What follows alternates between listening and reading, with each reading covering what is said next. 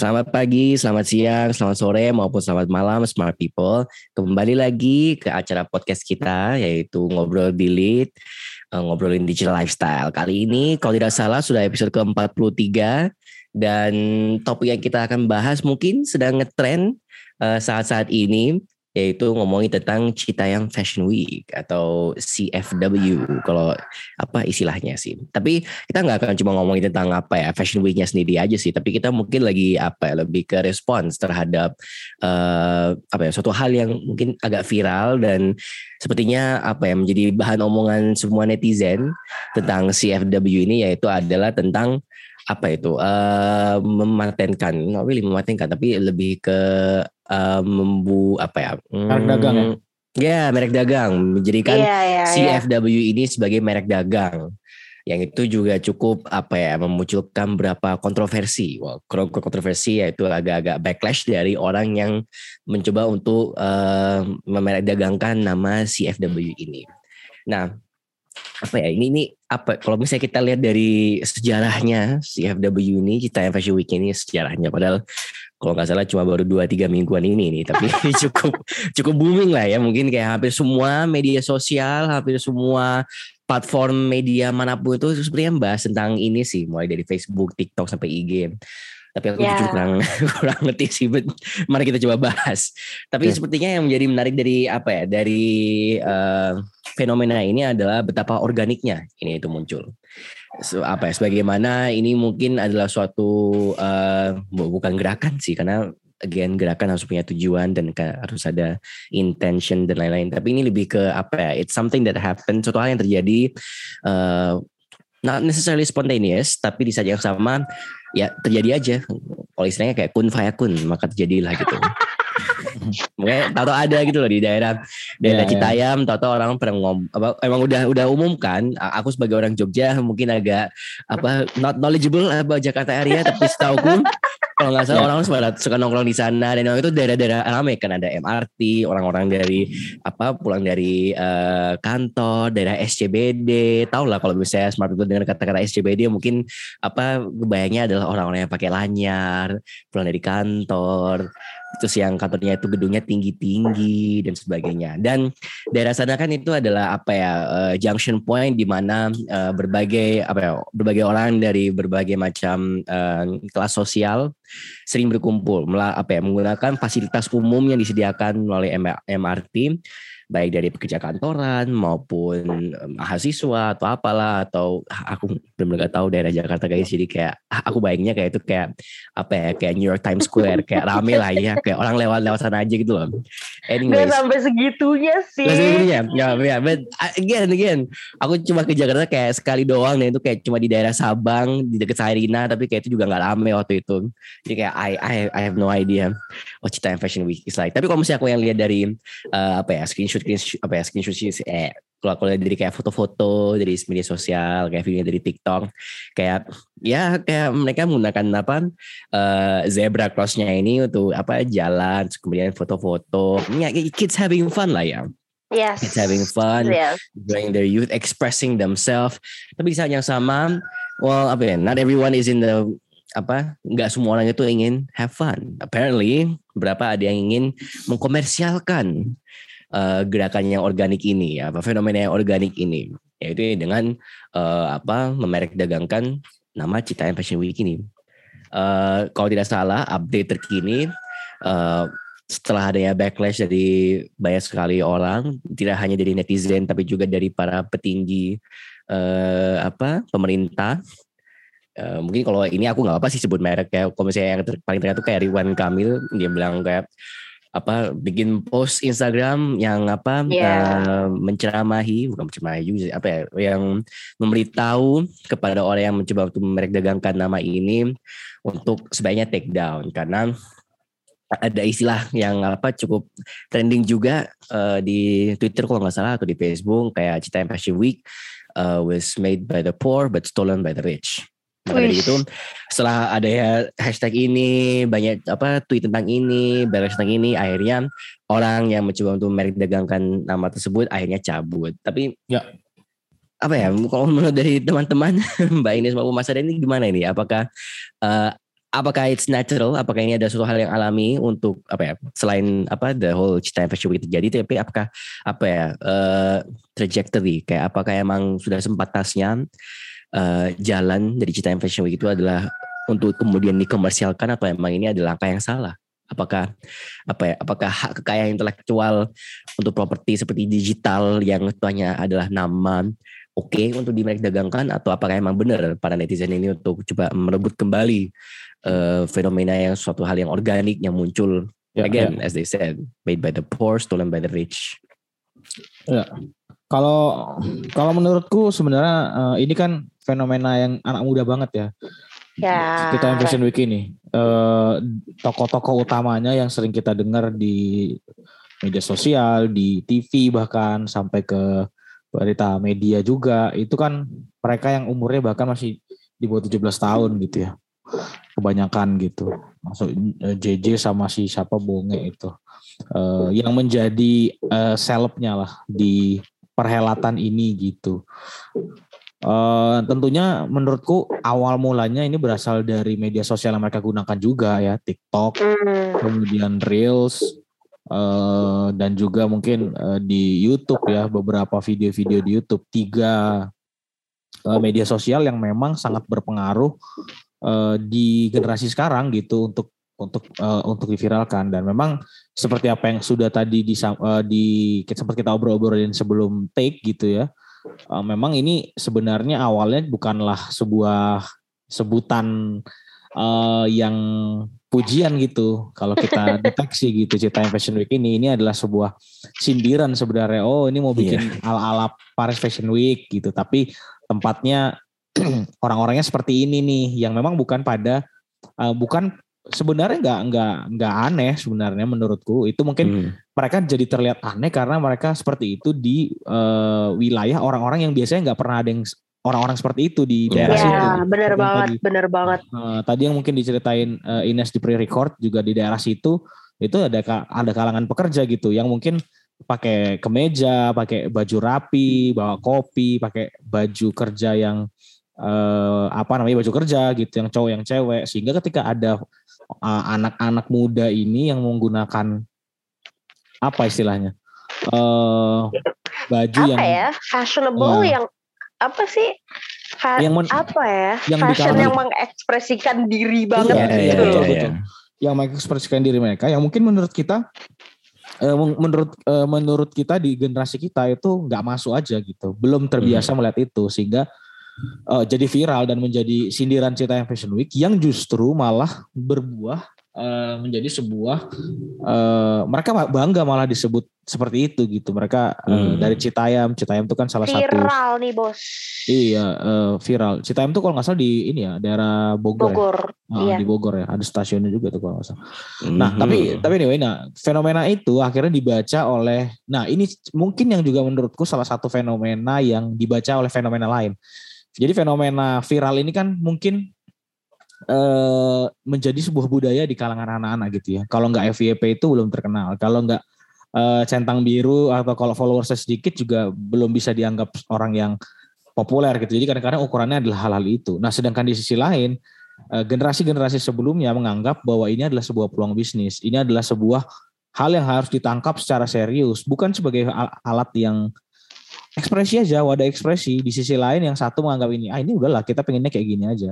Tapi di sisi lain ada orang-orang yang mungkin melihat ini secara berbeda gitu, yaitu orang-orang dengan dari generasi yang datang berbeda. Fenomena yang selalu sering terjadi yang tadi Karim bilang uh, created by the created by poor eh by the poor ya apa? Mm, yeah, stolen by the rich. Stolen by the rich. Nah itu tuh eh, nggak uh, cuma ini mungkin menurutku banyak banget kejadian-kejadian seperti itu. Sepak bola gak? Betul di meme di meme kan banyak banget yang kayak gitu ya. Jadi siapa yang mengembangkan, siapa yang dapat gelar juaranya gitu.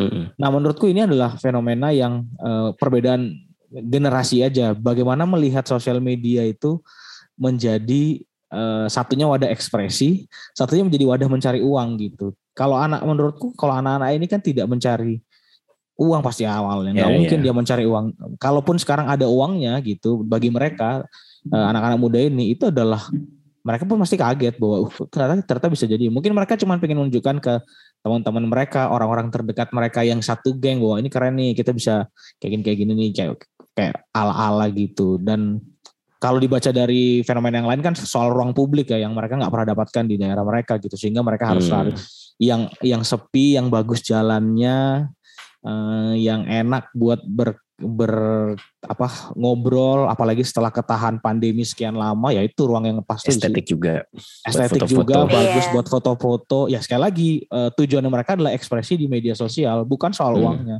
tapi hmm. kemudian ada pihak-pihak yang memang menangkap peluang lain yang membaca generasi lain membaca ini pertama mungkin dianggap mengganggu lalu lintas kedua dianggap uh, ini fenomena yang alay gitu. Yang ketiga bahkan menganggap ini sebuah fenomena yang bisa ditangkap sebagai uh, hal yang komersil gitu, yang bisa diuangkan gitu. Semuanya sekali sesuatu tentang uang. Sehingga ketika ini bertemu um, tidak banyak tidak cocokan gitu di kalangan netizen dan lain-lain. Fenomena yang diangkat di media sosial sendiri kemudian akhirnya dimatikan sendiri oleh uh, media sosial itu sendiri. Sekarang kan uh, di per hari ini uh, berita yang muncul juga cerita Fashion Week ini katanya uh, ditutup gitu ya.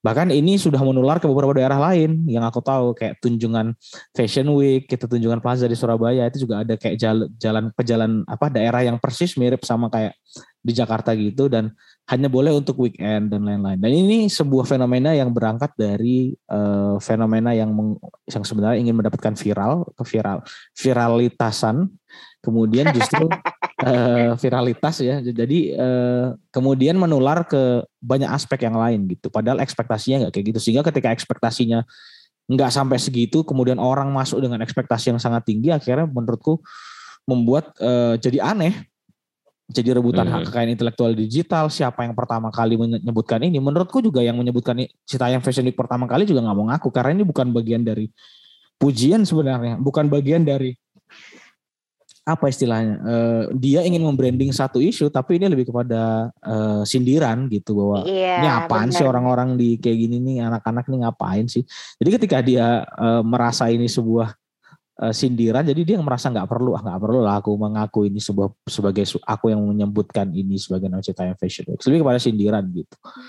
Nah ini yang menurutku uh, sebenarnya bagi anak-anak ini anak-anak muda ini murni konten aja udah tapi kemudian ketika masuk generasi yang berbeda yang pikirannya juga berbeda ini jadi beda semua jadi rame di media jadi rame di mana-mana yang mungkin ini juga udah berlangsung nggak nggak nggak sekali ini aja mungkin sebelum-sebelumnya juga pernah berlangsung dalam jumlah yang kecil atau di daerah lain gitu. Kalau aku pernah yeah. kalau aku baca di beberapa berita yang lain, itu kejadiannya eh, ini apa fenomena kayak gini sebenarnya ada beberapa di beberapa tempat lain, cuman yang memang yang pas gongnya rame terus juga seleb-seleb itu pada akhirnya turun ke situ. Jadi ya udah menurutku uh, kalau tadi disebut gerakan ini enggak gerakan, ini cuman sebuah uh, hal yang fenomena ya? fenomena aja. Kebetulan mereka uh, emang suka di situ aja, terus tiba-tiba Iya orang-orang yang kemarin kita sempat bahas uh, influencer yang punya apa punya followers atau punya pengaruh yang besar di media sosial tuh hadir dan juga membuat ini menjadi lebih besar. Jadi obrolannya udah ke mana-mana dari yang tadinya hanya ingin membuat konten di TikTok karena tempatnya bagus, karena ini uh, menarik aja untuk dibahas. Sehingga ketika ketika netizen punya persepsi macam-macam, ya itulah yang harus di uh, tanggung oleh anak-anak muda ini sampai adanya bodyguard gitu karena hmm. banyak banget yang ini ini kan ini fenomena yang menarik sebenarnya tapi sangat disayangkan ketika misalnya ada orang-orang yang justru gangguin fenomenanya sih. Kalau aku sih sangat menyayangkan itu karena ya biar yeah. aja gitu. Mungkin mereka berbeda karena gak ada ruang lagi. Ya udah.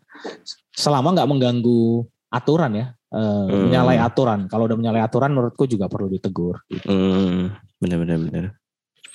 Saya, Dan, aduh gimana ya?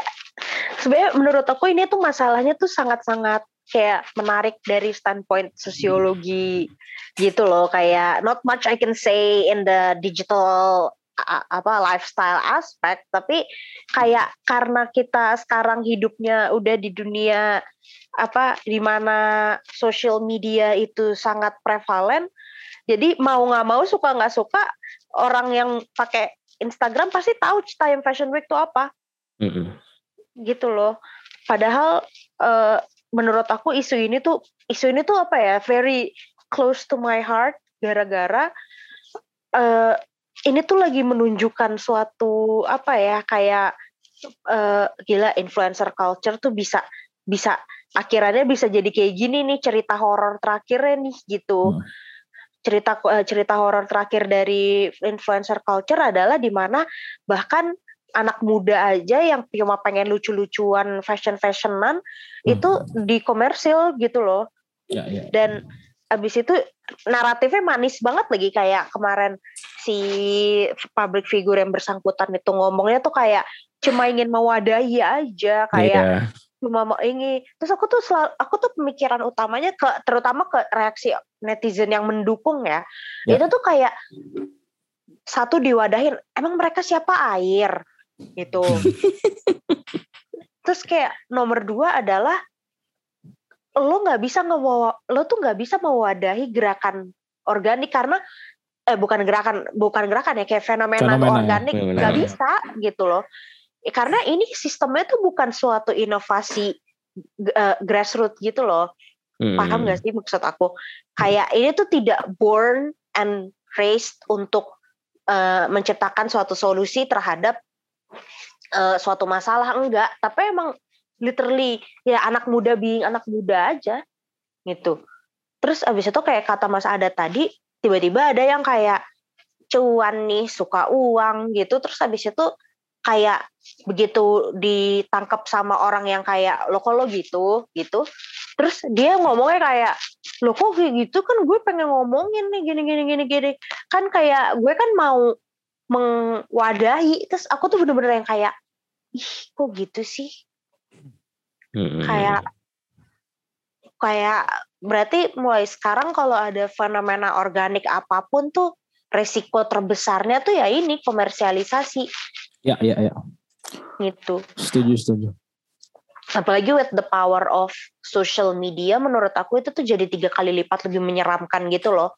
Kayak once udah bisa masuk FYP orang, kayak udah itu kemungkinan komersialisasinya tuh tinggi banget hmm, gitu bener -bener. sama kayak apa sih apa sih yang aku juga kayak bisa ternganga-nganga gitu lihat ya itu tuh yang kayak uh, food reviewer mm-hmm. kayak influencer makanan itu kan iya, dulu yeah, yeah, kan yeah. kayak apa ya yang kayak maknyos gitu-gitu ya I mean they're funny tapi inti end kan awalnya kan hanyalah untuk kayak eh ini enak loh, eh ini enak loh, eh ini enak loh. Begitu hmm. dia berubah jadi marketing tuh harganya kan gila-gilaan banget tuh. Iya, iya benar-benar. Gitu. Kayak padahal it e, everything started just because kayak eh, apa eh ini enak loh, eh ini enak loh. Apakah itu udah nggak bisa lagi kayak gitu murni? Sekarang semuanya harus oh dia influencer, oh dia influencer gitu. Hmm. Serem banget gak sih hidup di dunia kayak gitu? Bener-bener setuju sih kayak apa ya aku setuju sih mbak karena yang Mbak Ines bilang sih kayak emang agak susah sih kayak kita bahas tentang topik ini dan untuk kayak apa nyinggung-nyinggung ke digital lifestyle-nya padahal kayak menurut gue ya ini juga very sosiologi itu loh kayak masukku uh, isu apa ya root isunya dari kenapa Cita Fashion Week ini bisa jadi apa ya menuju ke arah komersialisasi ya karena ada apa ya kesenjangan powernya itu loh. Ya kita lihat uh, orang yang pecetus yang mulai apa rame-rame kumpul di daerah uh, Cita Fashion Week ini kan ya orang yang cuma ingin ekspresikan diri mereka sendiri kan yang yeah. apa ya you, you could argue kayak apa ya ketika uh, orang udah mulai melirik ini itu dan menjadi rame itu ya orang-orang yang punya power yang melihat kayak oh ternyata apa ya it doesn't take effort. Bukan berarti kayak apa ya anyone can be apa ya yang bisa jadi influencer tuh loh dalam arti kayak anyone can make it gitu loh. Kayak dibanding dengan mereka mungkin yang harus kayak bermodal besar harus kayak memiliki strategi untuk bisa menjadi F apa FYP dan sebagainya.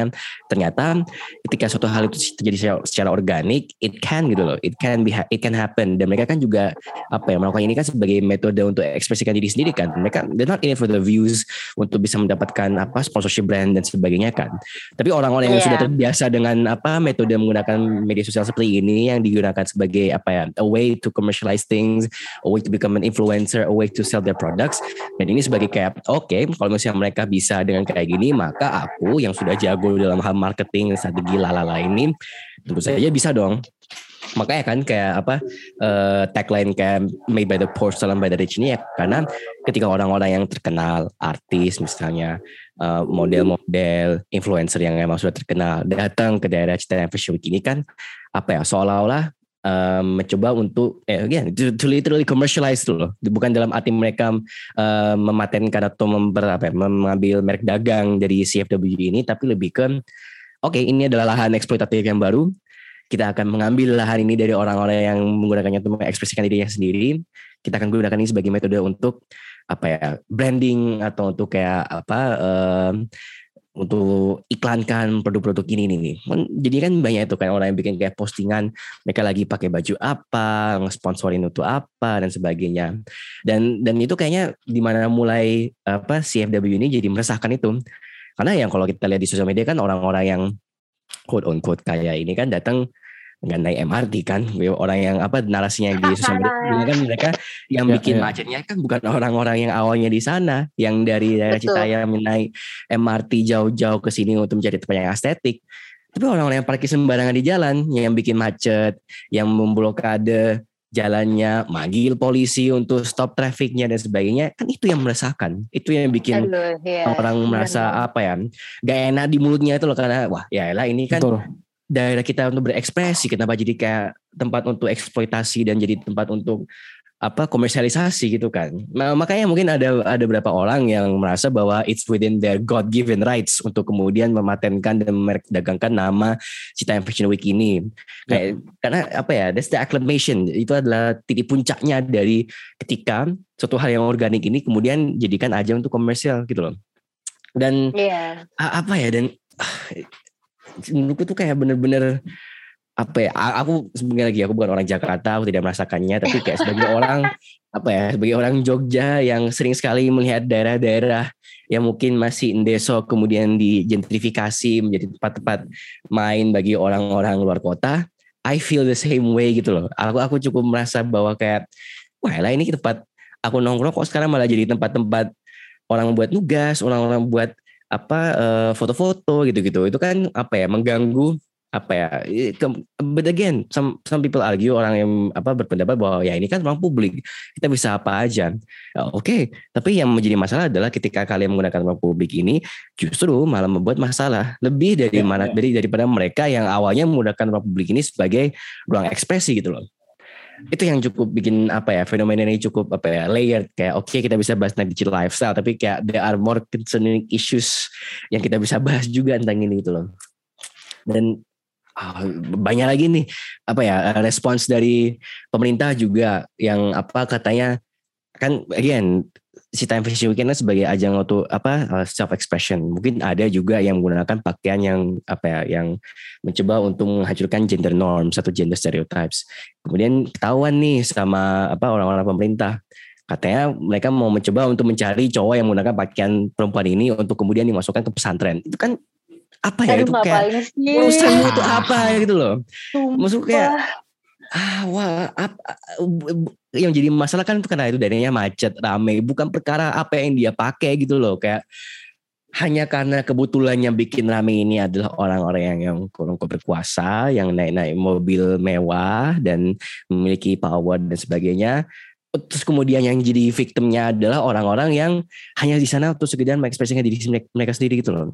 Itu yang menurutku apa ya yang jadi permasalahan ketika kita apa ya sebagai apa ya sebagai society sebagai digital society ini mencoba untuk commercialize every single thing kayak apa ya semua aspek kehidupan gitu tuh nggak nggak usah buat nyari duit gitu loh kayak enjoy enjoy aja tuh loh nikmatilah cita fashion week ini. Kapan lagi loh orang-orang apa ya anak muda kreatif ini bisa mendapatkan uh, wadah untuk mengekspresikan diri mereka sendiri gitu loh. Kayak betul betul Iya, menurutku uh, selalu, selalu dalam fenomena-fenomena uh, fenomena di sosial media yang uh, tadi media sosial yang tiba-tiba jadi viral kayak gini selalu ada pihak-pihak yang memang uh, kayak nggak masuk aja gitu. Secara iya, secara iya. apa tuh misalnya mas? secara apa menanggapinya gitu ya. Ya biasanya pejabat pasti kan karena mereka ada di generasi yang berbeda hmm. uh, di cara berpikir yang berbeda gitu ya sehingga melakukan pendekatan terhadap satu fenomena itu juga beda gitu. Kayak menurutku ketika misalnya uh, uh, si artis yang mau mematenkan ini, ketika dia bilang saya udah minta izin kok ke ke si uh, si Bonge misalnya gitu untuk ini akan saya ini kan ya tahu apa maksudnya mereka tahu apa untuk persoalan seperti ini bahkan mereka pun tidak menganggap ini sebagai sebu dia nggak menganggap dirinya sebagai kayak mungkin dia nggak leadernya juga di situ tapi kebetulan yang yang paling terkenal aja gitu kenapa dia minta hmm. izinnya ke orang itu. Terus tiba-tiba apakah mungkin si anak yang ketemu artis ini terus tiba-tiba dia bilang enggak gitu? Kan itu juga iya, pertanyaan iya, ya. iya pejabat dia bilang enggak ditawarin uh, beasiswa sama menteri juga. Apakah dia yeah. mungkin ketika di depannya dia bilang enggak? Kan enggak mungkin. Ini kan kayak ada ruang-ruang yang tapi bilang enggak kok mas ya tapi ketika di depannya kan nggak bilang enggak. Waktu ditanyain media dia baru bilang enggak kan. Jadi hmm. uh, ketika ditanyain Pak uh, menteri dia nggak bilang enggak gitu. Dia nggak menjawab aja iya dia waktu ditanya sama media baru dia bilang enggak waktu itu. Jadi kan nggak mungkin ketika dia di depannya orangnya langsung dia bilang enggak. Makanya ketika ditodongin ini saya bantuin urusin ini ya. Ya pasti dia nggak mungkin nggak bilang enggak lah. Sama kayak kita mungkin kalau ditanyain kayak gitu mungkin kita juga nggak jawab.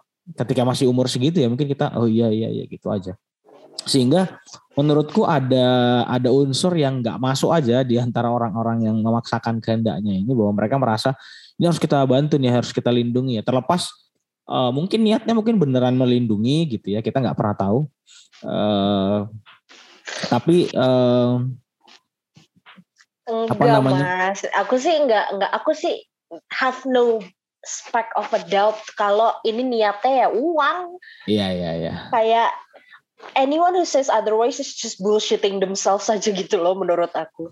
Kayak apa namanya ya karena nggak masuk akal bener-bener kayak bener kayak kayak Mas Adat bilang emang nggak masuk. Soalnya kan Betul. kayak ya balik lagi ini kan fenomena organik kan. Tiba-tiba muncul aja gitu kan. Kecuali kalau emang anak-anak ini for some reason kayak apa namanya uh, bonge bikin eh gue eh, ayo bikin Citayam Fashion Week gitu. Tapi bikinnya di Sudirman ya kayak gitu. Emang sengaja dan terorganisir dan memang rapi gitu. Ya bisa gitu dia bilang mau mewadahi dan mau membesar menggedein membesarkan melindungi quote quote aku bilang bisa. Cuma ini kayak gerakan organik diviralkan dengan bantuan sosial media terus abis itu kayak apa namanya eh, nggak uh, ada angin nggak ada hujan tiba-tiba dia bilang mau mewadahin mau ngegedein mau memproteksi kayak bohong aja sih menurut aku kayak ah, aku nggak habis pikirnya kemarin teman ya, ya, aku ya. ada yang ada yang uh, kayak ngomong gitu kayak aku nggak mau ngomongin soal haki dari Citayam Fashion Week tapi kemarin eh, tapi menurutku si artis ini sebagai leader dan inisiator tuh udah bagus banget kayak what the hell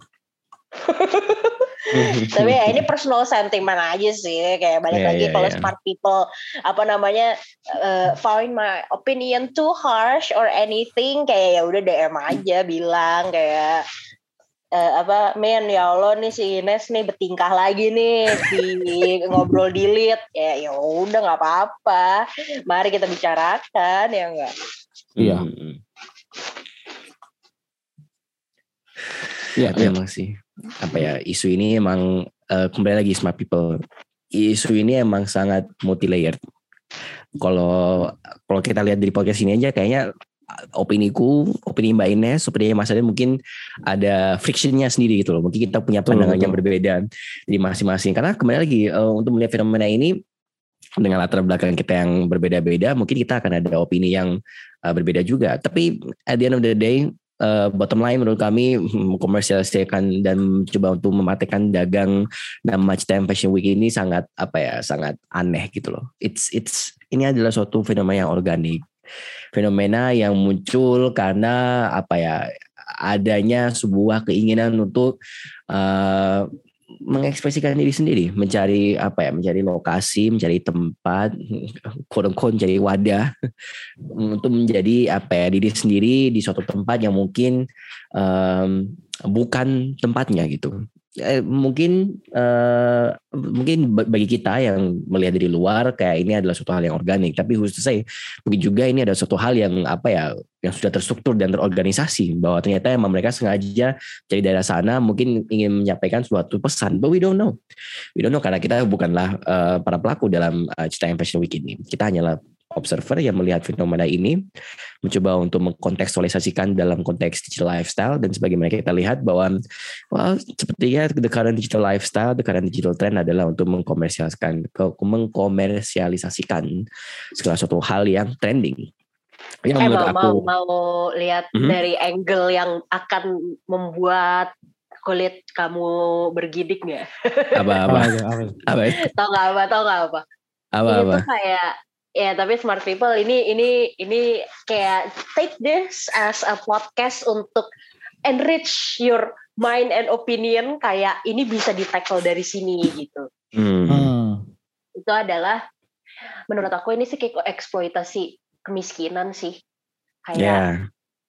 Yeah. kayak root problemnya sebenarnya dari Citayam Fashion Week ini banyak gitu. hmm. gitu kayak bukan root problem sih kayak asal muasal kenapa tiba-tiba terjadi suatu fenomena yang organik kayak Citayam Fashion Week ini sebenarnya menurutku bisa dilihat dari banyak sisi.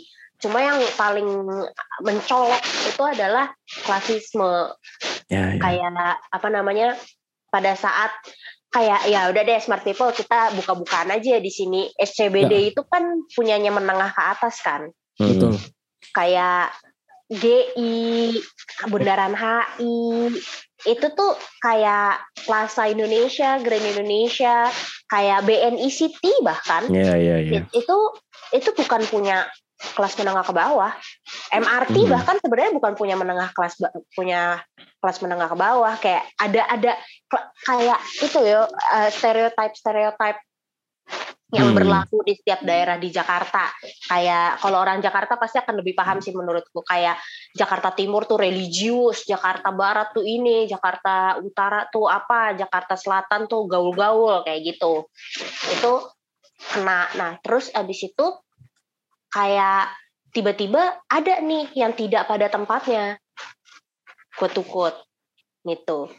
Nah itu adalah si anak-anak yang fashionable ini dan ditanya lo dari mana kan gitu kan yeah. pas di tiktoknya mm. gitu lo dari mana Citayam bang kayak gitu mm. terus habis itu baru deh tuh itu keluar Citayam Fashion Week gitu sekali lagi ini bukan depiksi dari kejadian nyata ini adalah interpretasi bagaimana Citayam Fashion Week terjadi kalau dilihat dari sudut klasisme kayak gitu ya mm. nah terus benar-benar habis itu uh, udah muncul viral gitu kan because it's easy untuk menjadi viral pada saat udah kena di TikTok kayak gitu terus abis udah jadi viral tiba-tiba datanglah seorang artis ini yang memang kontennya adalah eksploitasi kemiskinan hmm. ya yeah.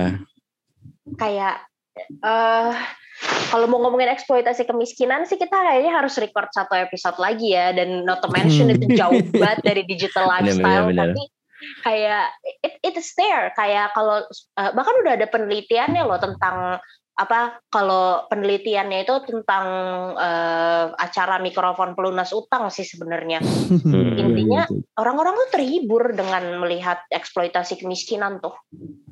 Gitu. Betul kayak betul betul. Betul uh, siapa yang utangnya paling banyak?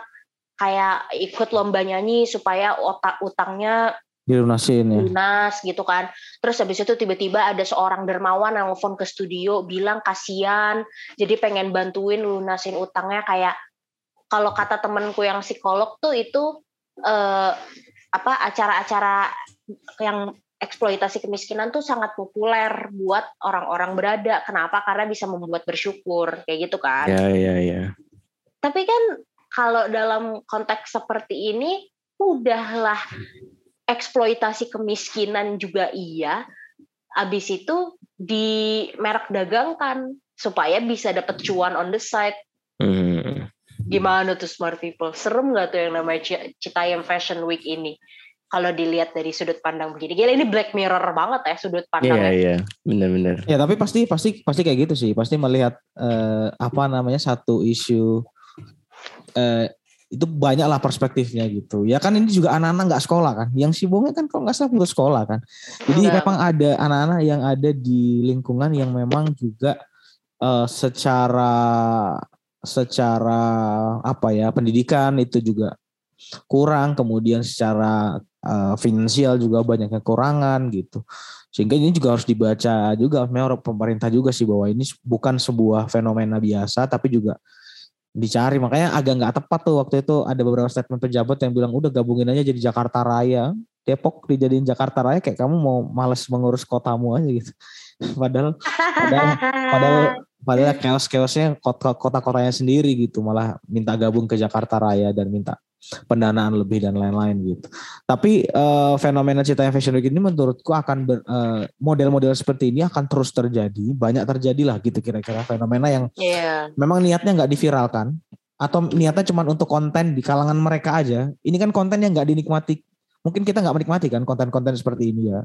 Anak-anak yang gini. Ini kan dulu juga pernah kejadian waktu yang berapa mahal outfit lo Ya, terus ya, ya, ya. Uh, tapi orang-orang nanya outfitnya yang gila-gilaan harganya 60 juta terus tiba-tiba ada satu orang uh, aku lupa namanya siapa nanya tiba-tiba kayak um, berapa outfit lo ya ini uh, merek ini ori 50 ribu harganya kaos terus celana 100 ribu yang kayak ya itu yang bisa mereka beli itu yang mereka pakai dan mereka bangga pakai itu sebenarnya uh, ini mirip sama itu juga ketika artis-artis juga datang di Paris Fashion Week, pamer mereka ada di Paris nih, kita lagi liburan nih, terus mereka ya pengen aja misalnya mereka bikin yang ada di itu kumpul-kumpul bareng teman-teman, terus tiba-tiba ada yang mengistilahkan jadi Cita Fashion Week. Ya ini uh, sebenarnya hanya membuat atau remake aja tapi dengan versi yang mereka bisa lakukan sih sebenarnya menurutku. Sehingga ketika ada orang-orang yang justru malah mengganggu kenikmatan daripada apa yang mereka lakukan itu menjadi sangat sangat sangat harus ditentang uh, sih. Sehingga yeah sehingga konten-konten yang tadinya hanya untuk diniatkan uh, atau isu-isunya hanya ingin dinikmati di dunia digital tiba-tiba di dunia nyata itu jadi malah ribut. Karena orang memperebutkan ini memperebutkan lahan itu memperebutkan ini memperebutkan itu. Sehingga ya jadi nggak asik lagi gitu. Tapi ini akan iya, terjadi lagi iya menurut berbagai iya masalah. sebenarnya poin hmm. dari the whole Cita Fashion Week thing yang akan ya kebenar banget kata Mas Adat muncul lagi muncul lagi dengan nama yang berbeda-beda dan isu yang berbeda-beda yeah. juga. Itu adalah kayak kenapa sih harus kayak gitu? Nggak asik cuy kalau misalnya lo kayak gitu gitu loh. Kayak apa ya kayak Emi ini anak muda banget sih standpointnya. Apalagi dengan entrepreneur mindset quote to quote yang lagi dijual digadang-gadang pokoknya semua harus bisa jadi passive income kayak gitu. Tapi menurutku kayak dengan adanya orang yang apa oh yaudah ya ayo gedein bisa ini jadiin eh, apa jadi apa trademark ke Indonesiaan bla bla bla bla gitu gitu. Nggak asik bro. Gue cuma pengen pakai baju keren gitu. Yeah, yeah, yeah, betul. kayak sometimes kayak hidup kita tuh udah banyak ini gak sih? Kayak aku yakin uh, kita kelas menengah. Langsung ditembak gitu kita kelas menengah. Terus habis itu kayak kelas menengah ke bawah menengah ke atas kelas atas kelas bawah. Kan sometimes our life juga udah sibuk dan capek dengan masalah kita masing-masing. Kayak hmm. bolehlah sekali-sekali ada apa suatu hal organik yang cuma untuk lucu-lucuan doang.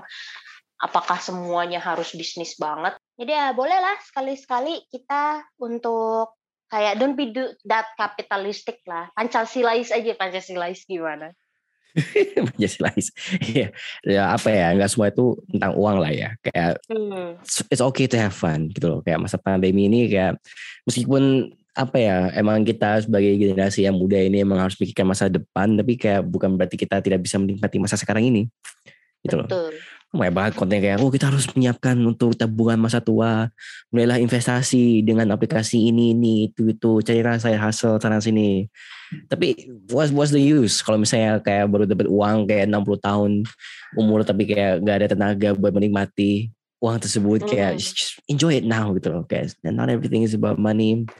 Enjoy it now Tapi there's always something yang bisa teman-teman selalu enjoy yaitu adalah publikasi dari CFDS. Mm-hmm. Teman-teman smart people bisa baca publikasi kita di cfds.visipo.ugm.ac.id dan jangan lupa juga follow uh, sosial media kita di CFDS atau UGM untuk Instagram dan Twitter dan juga di Facebook kita yaitu Center for Digital Society. Kita akan selalu ada update-update terbaru tentang uh, apa pun tentang digital society, digital lifestyle, tentang e-commerce lah atau apalah. Dan kita juga akan ada rekrutmen untuk magang.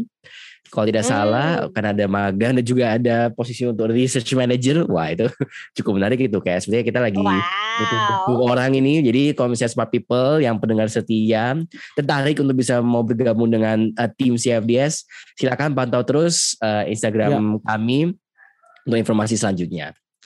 Itu sekian dari kami. Uh, terima kasih semua People sudah mendengarkan podcast kita kali ini episode ke-43. Kita lagi sudah mau 50 episode jadi uh, tunggu saja semua People. Dadah.